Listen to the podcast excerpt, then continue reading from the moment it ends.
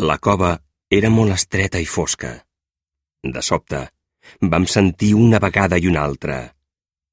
On sou? On sou? On sou? On sou? Era el nostre amic David, que s'havia endarrerit i ens cridava.